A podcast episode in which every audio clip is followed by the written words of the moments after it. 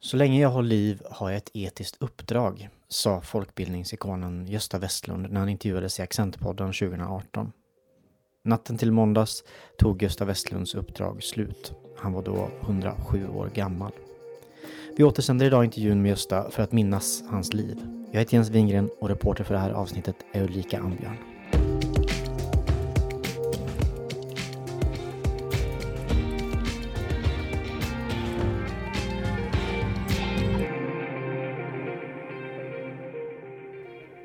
Gösta Westlund föddes i en arbetarfamilj i Gagnef i Dalarna. Vid sex månaders ålder placerades han i fosterhem och från tre års ålder bodde han hos sina farföräldrar.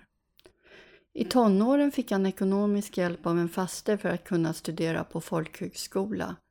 1928 blev han medlem i nykterhetsrörelsen och under 1930-talet debatterade han med nazister för demokrati och jämlikhet. Han blev en klassresenär, besjälad av att bygga ett bättre och rättvisare samhälle. Gösta Westlund blev IUGT NTOs folkhögskola Tollares första rektor och där införde han du-reformen. Det vill säga att lärare och elever duade varandra mer än ett decennium innan Bror Rexed blev känd för samma sak. Hans meritlista är lång och brokig. Han har arbetat med medarbetarinflytande i industrin, varit folkhögskoleinspektör och undervisningsråd på Skolöverstyrelse. Han bildade personaladministrativa rådet, var rådgivare åt regeringen i Tanzania och var ordförande i Riksförbundet för rörelsehindrade barn och ungdomar. Han har utsetts till hedersdoktor vid Linköpings universitet och mottagit medalj av regeringen. Han har varit lärare både åt Olof Palme och åt kung Carl Gustaf och åt min egen pappa. Gösta Westlund har inspirerat många. Gösta är den bästa lärare jag haft, säger min pappa, som fann studiemotivation och utbildade sig till folkskollärare på Tollare. När Gösta Westlund fyllde 100 år 2013 instiftades de så kallade Westlunddagarna. En årligen återkommande mötesplats med syfte att belysa folkbildningens utvecklingsmöjligheter i Gösta Westlunds anda. Så, nu är vi framme. Accentpodden ringer på hos Gösta Westlund i hans hem i Nacka strax öster om Stockholm. Om ett par veckor firar han sin 105 födelsedag och är därmed fem år äldre än den svenska demokratin som 100-årsjubilerar i år. Hallå, hallå, hallå, hej Ulrika! Välkommen, välkommen, välkommen. Tack! Så, varsågod och stick på. Ja, tack. Ja. ja, du har fint väder med dig. Ja. Ja. Snarare högsommar än försommar. Ja, jag hörde en kvinna i, i radio nyss som klagade över att det är för varmt. Ja, vad säger du då? Ja, också. Hördu, nu ska vi se här. Uh, du vill ha lite kaffe? Ja, tack. Ja, men då, om du kommer med ska jag visa dig en sak. På plats i vardagsrummet med kaffe och kanelbulle uppdukat på soffbordet backar vi bandet drygt hundra år tillbaka i tiden. Till en liten by i Dalarna år 1913.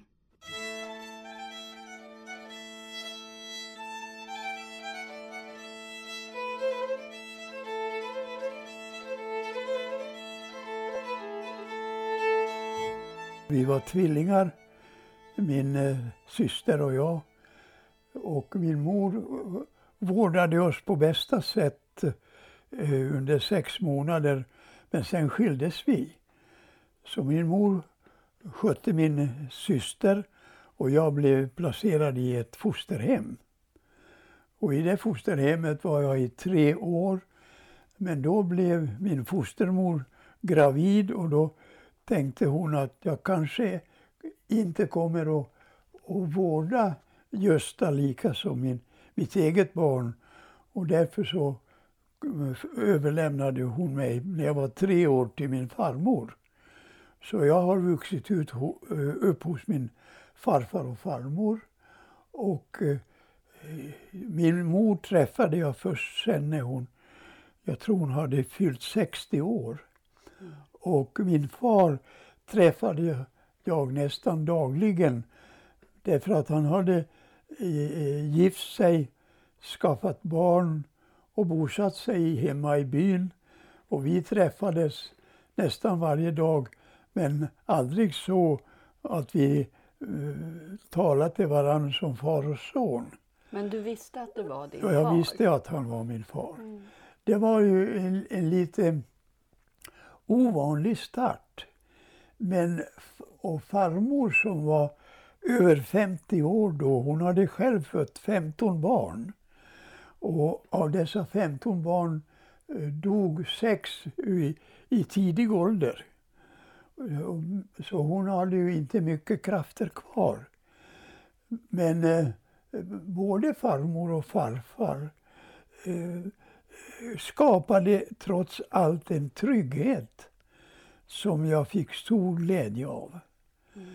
Eh, en trygghet som också präglades utav ordning och, och reda. Jag fick lära mig tidigt att, att hålla tider, att, att hjälpa till med det som det var möjligt för min ålder och så.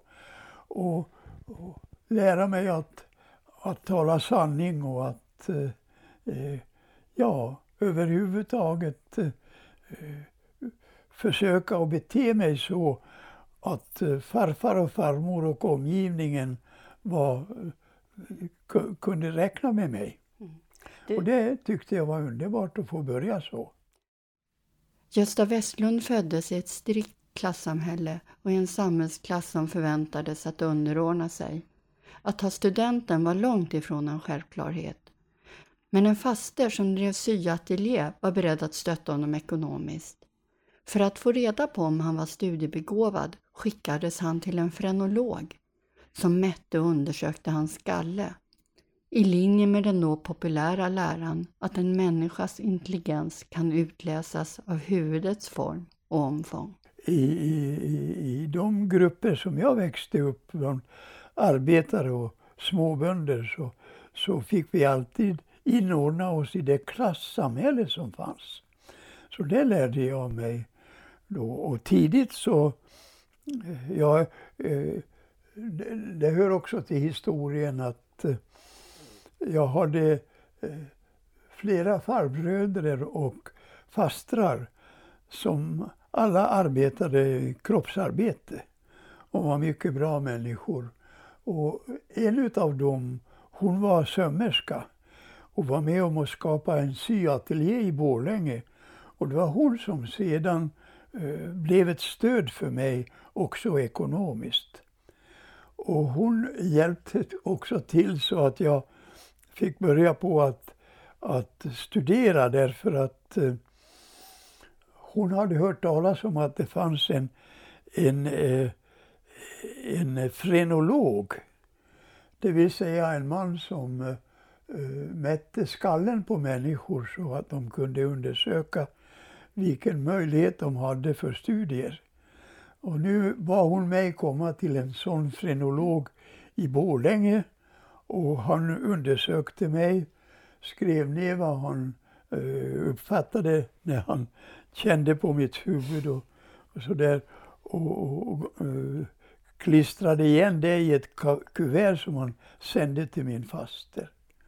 Men eh, innehållet vet jag ingenting om. Men, men resultatet var att hon, trots att hon hade så små inkomster, sa att, att jag har ordnat med en, en magister i Borlänge så du ska komma och studera för honom. Mm. Så fick jag bo hos henne och så började jag studera. Vi sökte till Fjällstedtska skolan i Uppsala men jag var för ung till det. Men eh, då sa hon försök att studera och tentera till realskolan i Borlänge. Och, men, men om du kan så ska du försöka att och, och, och, och, komma in i, i, klass, i andra klass. För då blir det eh, billigare. Mm. Och, och jag, med de få böcker jag hade så läste jag tyska och, och, och franska så gott jag kunde och tenterade och kom in i andra klass. Och så gick jag i realskolan. Varför var det viktigt för dig att studera? Ja, jag såg ju hur samhället såg ut. Mm. Jag var inte då, eh, när jag var, eh, alltså före 1932, eh, så var jag så, inte så intresserad av, av eh, politik och studier. Men när jag har tagit min realexamen 1932, då eh, upplevde jag eh, arbetslösheten och var med om att starta en socialdemokratisk ungdomsklubb i eh, socknen. Och så började det hela. Och så en dag, Eh, 19, ja, jag kanske, jag vet inte om jag då för, eh, förirrar mig i detaljer, men eh, en kväll 1933 när farmor och en sjuk farbror som hade drabbats av sömnsjuka. Och jag satt och, och åt vår rågmjölsgröt på kvällen. Så steg det in tre unga pojkar som talade tyska. Och de berättade då, och de visste tydligen att det fanns en som kunde några lite grann tyska. Och så uppsökte de då mitt hem och så berättade de om vad som hände i Tyskland. Och det där gjorde att jag blev väldigt mycket upptagen utav eh, den fruktansvärda utvecklingen i Tyskland men också utav utvecklingen i Sovjet och andra eh, dramatiska händelser på den tiden. Men så en dag så kom en, en eh, präst och, och undrade om jag ville studera. Jag sa att ja, jo, jag vill gärna studera. Och då sa han att han ville bekosta mina studier i en folkhögskola. Och jag sa det att det vill jag inte för jag tror att pastorsadjunkten behöver eh, sina pengar själv. Men vi kom överens om att eh, jag skulle betala tillbaka pengar till honom när jag själv fick några pengar. Och sen så sökte jag till Brunnsvik, men det var fullsatt. Jag hade hört talas mycket om Brunnsvik och var väldigt intresserad av, av den folkhögskolan. Och den ligger i Dalarna också? Ja, den låg, låg utanför Ludvika. Ludvika ja. Och, men eh, då sa han att, eh, att det finns en bra folkhögskola i Sigtuna. Och, och det visste jag. Och jag sa det att men den är kyrklig, sa jag, och jag är inte så särskilt engagerad i kyrkan. Men hur det nu var så tänkte jag det är bättre att jag får gå i någon folkhögskola än att inte få gå alls. Och så gick jag på vinterkursen i Sigtuna och det blev en stor upplevelse för mig. Eh, inte så att jag kunde acceptera den tro som bar upp eh, ledningen i Sigtuna.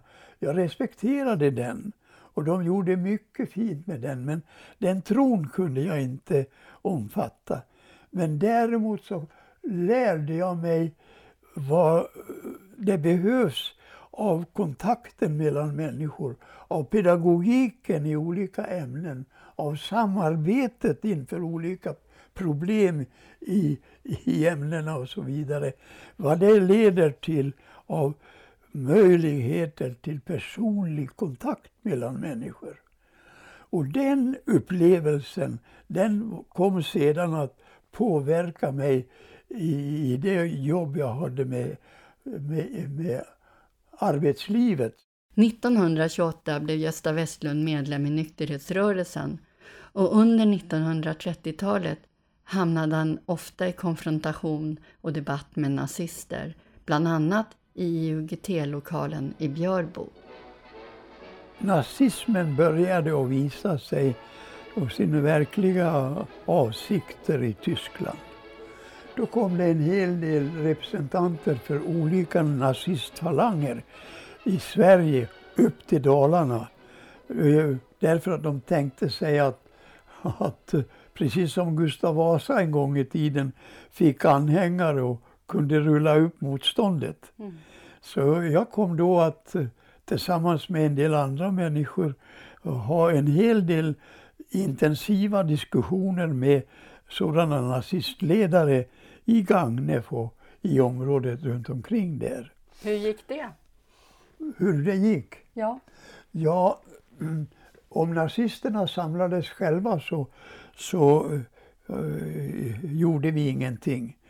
Men om de på sina affischer uh, angav att det skulle bli diskussion, då uh, kom vi dit och, och deltog i diskussionen.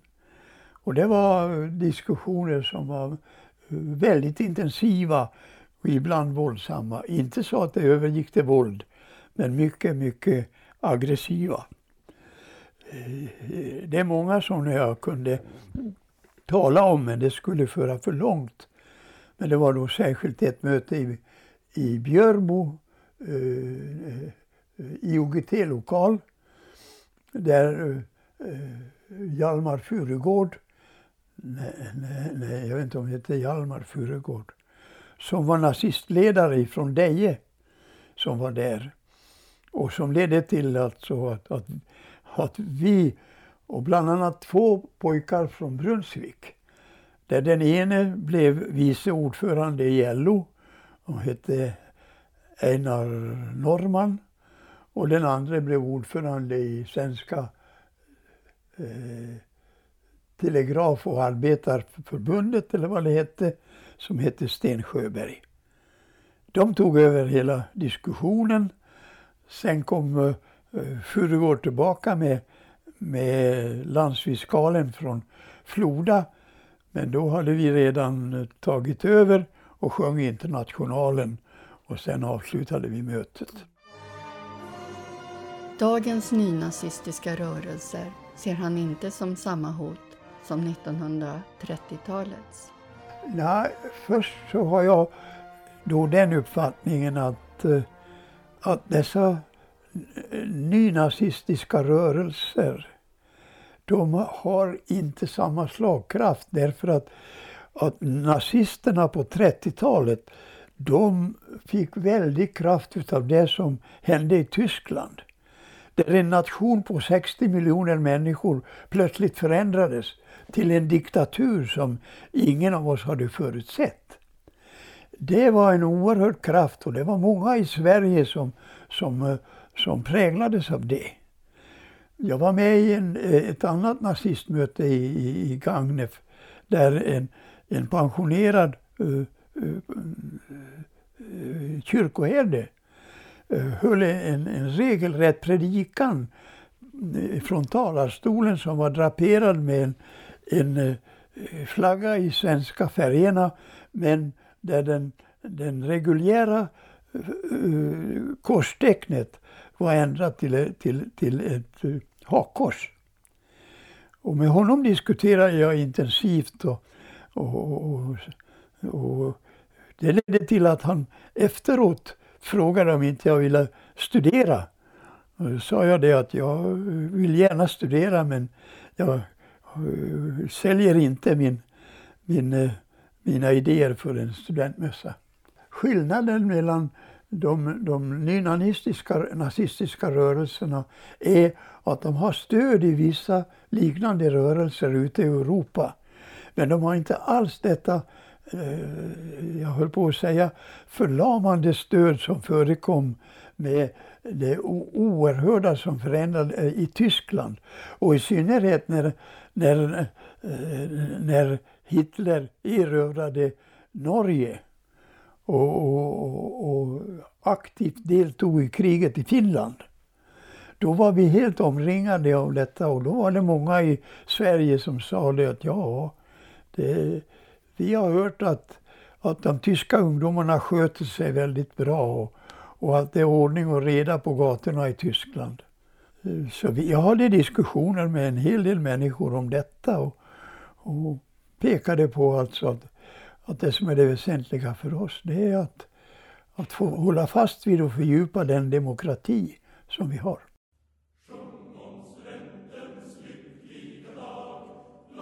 1937 tog Gösta Westlund studenten. Därefter utbildade han sig till lärare i Uppsala och arbetade sedan bland annat på folkhögskolorna i Brunnsvik och Marieborg och även vid Sigtuna-stiftelsens läroverk. Han studerade det senaste inom amerikansk sociologi och tog del av den första arbetslivsforskningen. Utifrån det skrev han boken Arbetsglädjens problem, en skrift som gavs ut både av Industrins upplysningstjänst och av Brevskolan.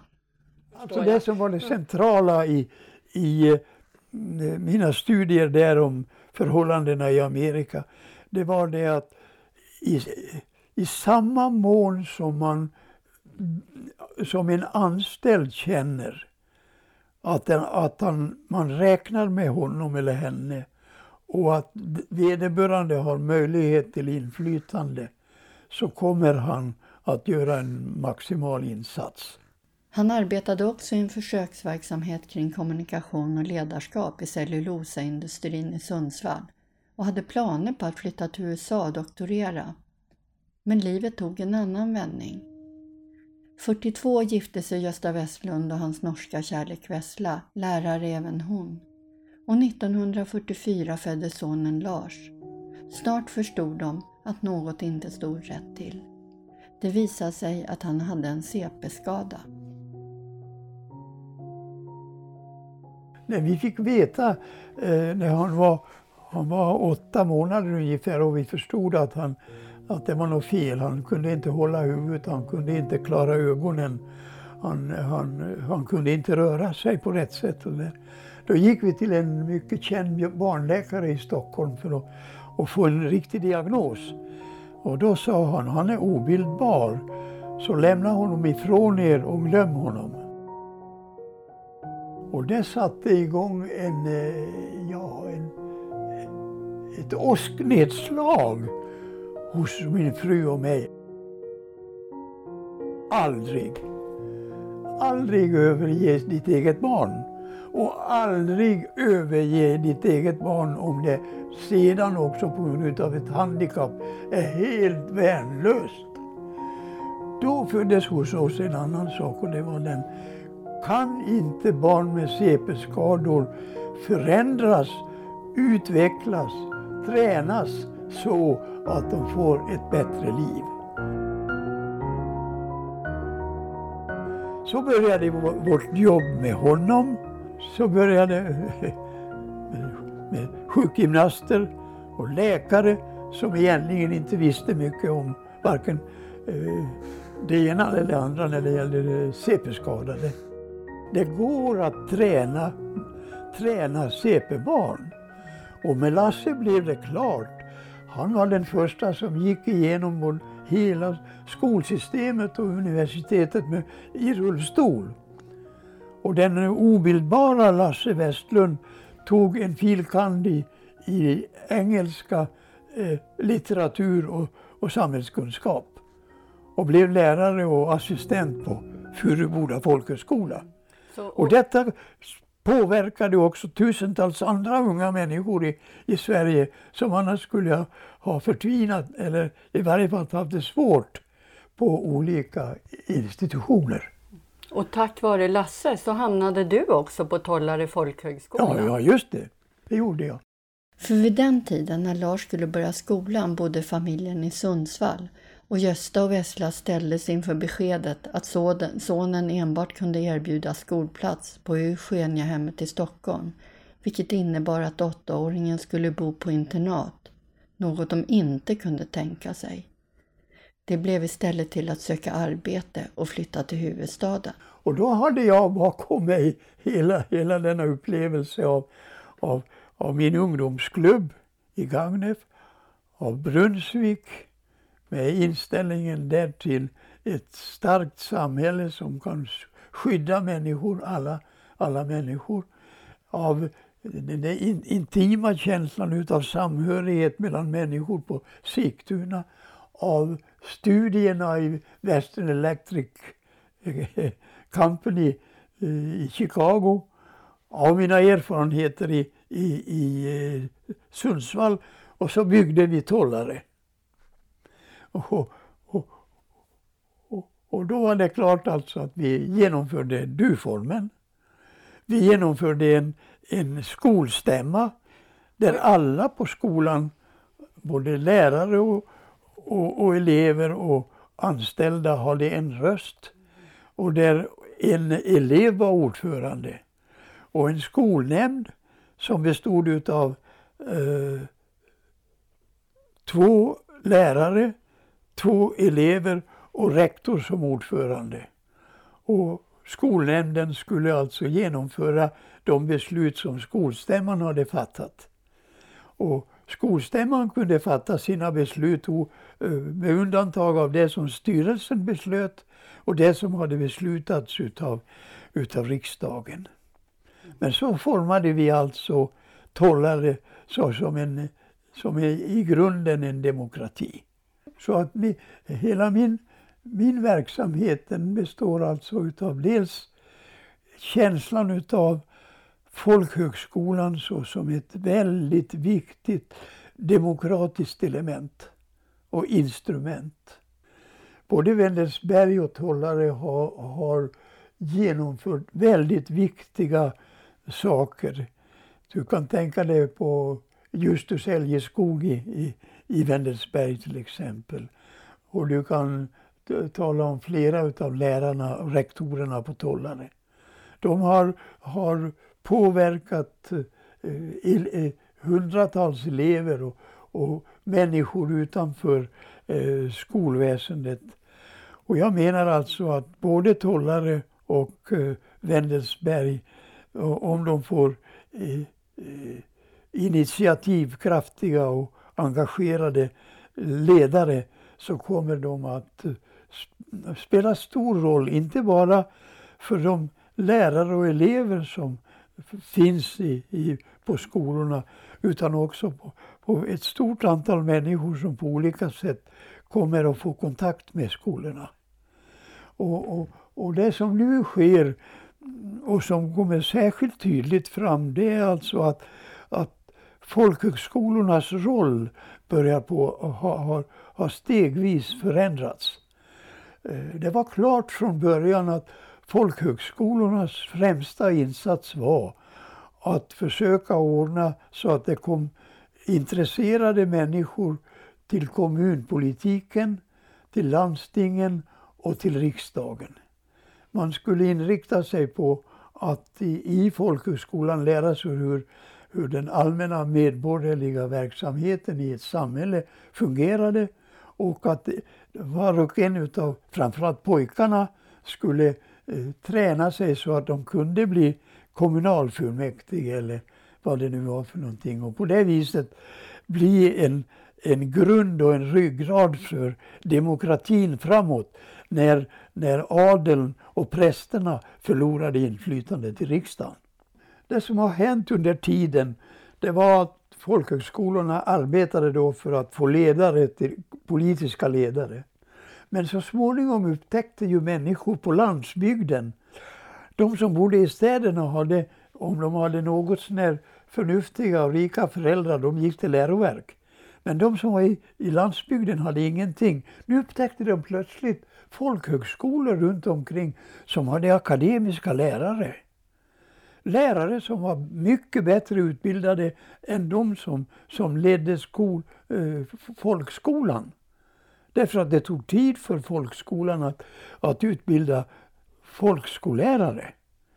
Nu fick många av ungdomarna, bondeungdomarna först och sedan arbetarungdomarna, fick en chans att eh, få en utbildning som hjälpte de flickorna att, att söka till sjuksköterskeskolor, pojkar till lärarseminarier och flickor också, eller till politisk, till, till polisskolor och så vidare.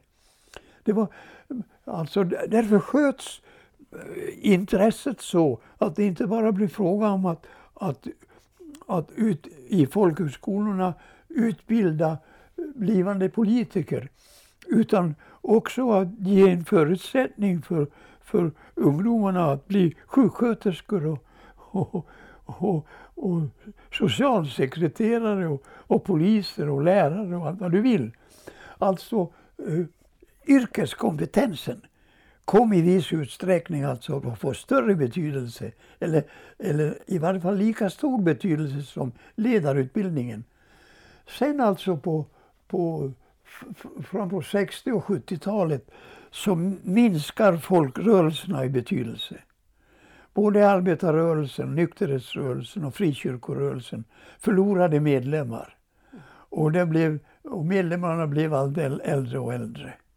Och så sa man, och det blev ett vanligt talesätt, alltså att ja, folkrörelserna har ing, ingen betydelse. Och, och folkrörelsernas stora betydelse var ju att komma in i en rörelse innebar att man hade lika stora möjligheter. Oavsett om man är man eller kvinna? Ja, eller oavsett om man är mm. man eller kvinna eller, eller kommer från ett fattigt hem eller ett rikt hem. Det var en utomordentlig grundutbildning i att se människor lika. Och det försvagades med folkrörelsernas uh, avmattning. Jag såg ibland på det sättet alltså att, att eh, i IOGT-NTO och nykterhetsrörelsen eh, utifrån och ibland också inifrån betraktades som eh, någon form av sekteristisk. Och för mig är nykterhetsrörelsen en kulturrörelse. Det är en rörelse som, som in, inte bara inser risken med alkohol och med, med olika droger och sånt. Utan inser alltså vad det betyder med, med social kontakt, med, med, med folkrörelsearbete, med, med kultur och, och dans och litteratur och, och, och, och, och, bildkonst och allt vad du vet. Allt detta är oerhört viktigt och, och det tänkte jag då alltså att det skulle i viss mån kanske stimuleras genom den inriktning Tollare fick.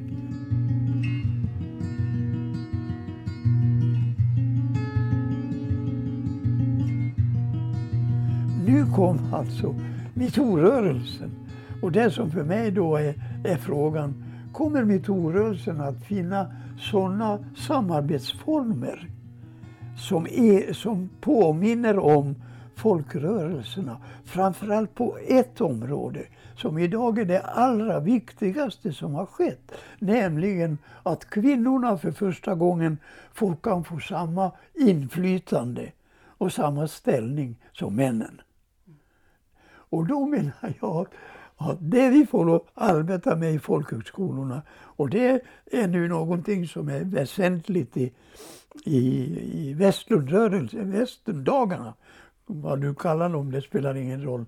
Men det, det är alltså att eh, kan vi samla människor ifrån folkhögskolor, studieförbund och andra som arbetar med, med, med eh, folkbildningen. För det, idag är det inte bara fråga om att människor ska rösta utan det är väldigt viktigt att veta hur mycket folk kan om demokrati när de går och röstar.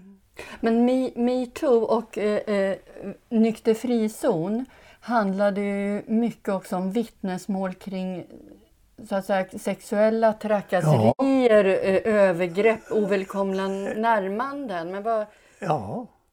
Alltså det... är, är, du överraskad över att sånt kommer fram? Nej. Även in, att det förekommer även i nykterhetsrörelsen? På, på, ett sätt, på ett sätt är jag överraskad därför att visserligen upplevde jag som ung pojke att vi, när vi satt på mjölkpallarna på kvällarna och pratade så var vi pojkar ganska eh, eh, stöddiga och, och manliga och sådär och, och, och tittade på och, och, och talade om kvinnorna liksom eh, lite från ovan. Okay. Det gjorde vi. Men jag, har all, jag hade aldrig tänkt mig att det skulle vara sådana många fruktansvärda trakasserier. Både våldtäkter och samtidigt alltså övergrepp på olika sätt från männen till kvinnorna. Det har jag aldrig tänkt mig att det kunde bli så.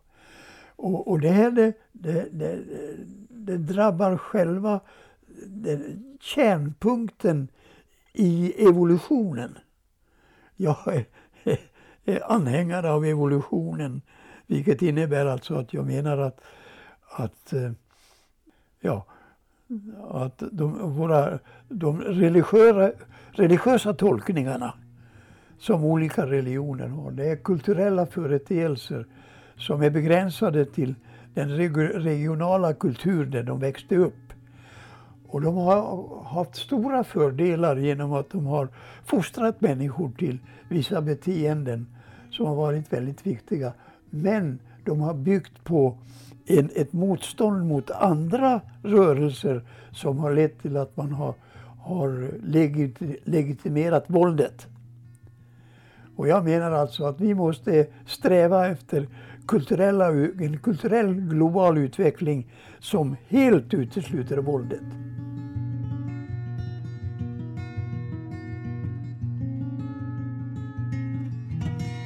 Hur ser du på IOGT-NTOs framtid? Finns organisationen om tio år? Om eh, IOGT-NTO eh, kommer att mer och mer präglas och, och utifrån få, den, få, få det omdömet alltså att ja, men det är en, en rörelse som är, har mycket stor betydelse för att, att Sverige ska utvecklas socialt och kulturellt. Då är det mycket väsentligt. Så ser jag det. Och, och, det är då en fråga, om, i stort sett en fråga om vilka blir ledare inom, inom nykterhetsrörelsen. Både IOGT, ja, IOGT, NTO och, och Blå bandet och, och, så vidare. Vilka blir ledare och vilken utbildning får de? Eh, där tänker jag alltså på den utbildning som lärarna i folkhögskolorna numera får i, Linköping. Alltså en utbildning som, som leder till att, att se i stort sett samhällets utveckling. Vad man behöver för insatser i samhället och från individen, från civilsamhället för att vi ska kunna eh, möta de, de nya och, och eh, he, helt eh, uh, oprövade uh, insatser som krävs på, på global nivå.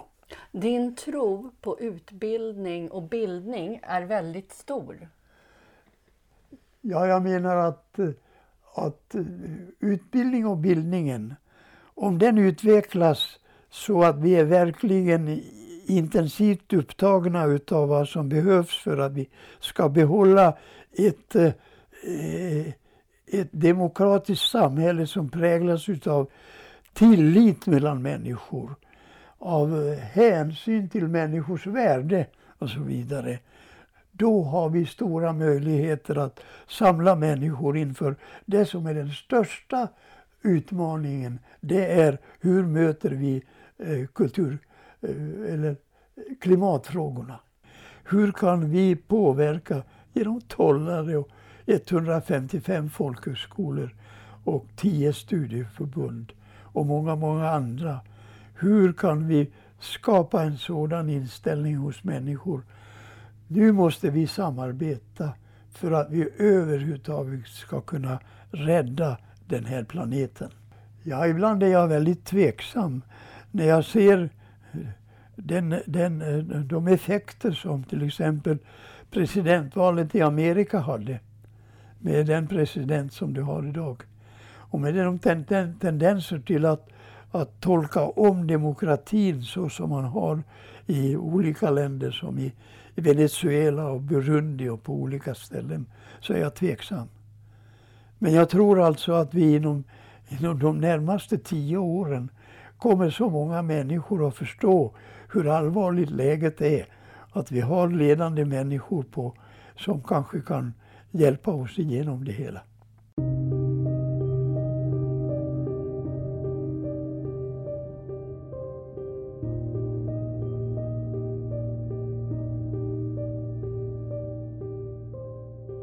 I slutet av intervjun kommer vi in på det där med ålderskrämpor. Gösta Westlund talar om en tilltagande trötthet, om sin nedsatta syn och om problem med balansen. Men än så länge bor han kvar i radhuset där han levt i mer än ett halvt sekel. Han skriver på en serie artiklar om sina erfarenheter från folkhögskolan och varje onsdag träffas en grupp vänner i hans hem för att samtala kring aktuella frågor. Gösta Westlund utstrålar en stark nyfikenhet på sin omvärld. Vad jag tror på, det är alltså att en öppen en öppenhet, en intensiv öppenhet för att överhuvudtaget försöka begripa vad som menas med att vi är här. Och då har jag kommit till det, förstår du, att vi, vi vet inte det. Det som, som nu kallas för universum och är vårt, eh, så att säga, vårt yttre yttre verklighet, vår yttre hem, den begriper vi inte. Därför det enda som man försöker, vi försöker som människor att få grepp om det hela, det kallar vi för ljusår. Och så talar man om nu alltså att det finns ljus, eh, stjärnor flera miljoner ljusår bort. Och då säger vi så här att vad den här skapelsen har lett till det har vi ingen möjlighet att förstå. Än mindre kan vi förstå att i den, detta universum som, som också åtminstone på, på vissa delar har en minustemperatur på 253 grader minus Celsius. Har en liten planet, kanske det finns flera planeter, men har en liten planet där vi bor och där det finns en, en, en grupp av människor, lite över sju, sju miljarder människor, som envisas med att i detta universum ha en kroppstemperatur på 37 grader plus. Hur skulle vi kunna begripa skapelsen som står för både detta universum och denna människa som, som envisas med att, att ha kroppstemperatur i detta i, i, i den, den, denna omgivning. Alltså, för mig är, är livet krympande. Och jag står bara inför frågan om hur mycket kan jag, kan jag ta vara på i, i det som nu krymper för mig dag för dag. Eh, därför att jag har, det finns en sak som jag försöker formulera men som jag inte är säker på att jag kan upple leva upp till när jag dagligen, eh, så småningom ska, ska lämna allt och, och gå över till något som jag inte vet någonting om. Och det är att så länge jag har liv så har jag ett uppdrag. Så länge jag har liv har jag mitt uppdrag. Och det uppdraget måste, och det tror jag är det centrala för oss människor, det uppdraget måste vara etiskt.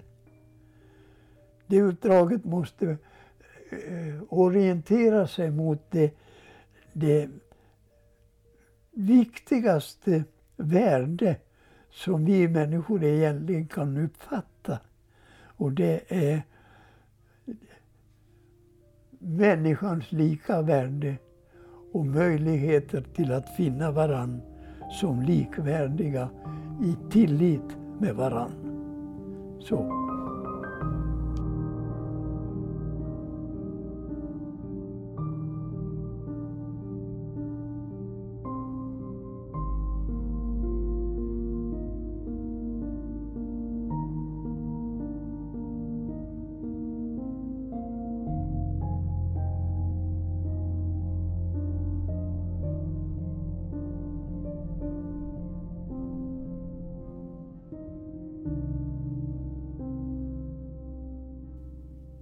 Det var allt för denna gång.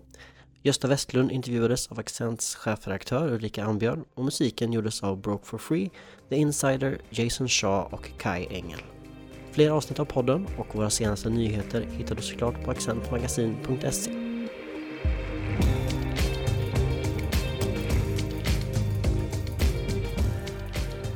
Du har lyssnat på Accentpodden.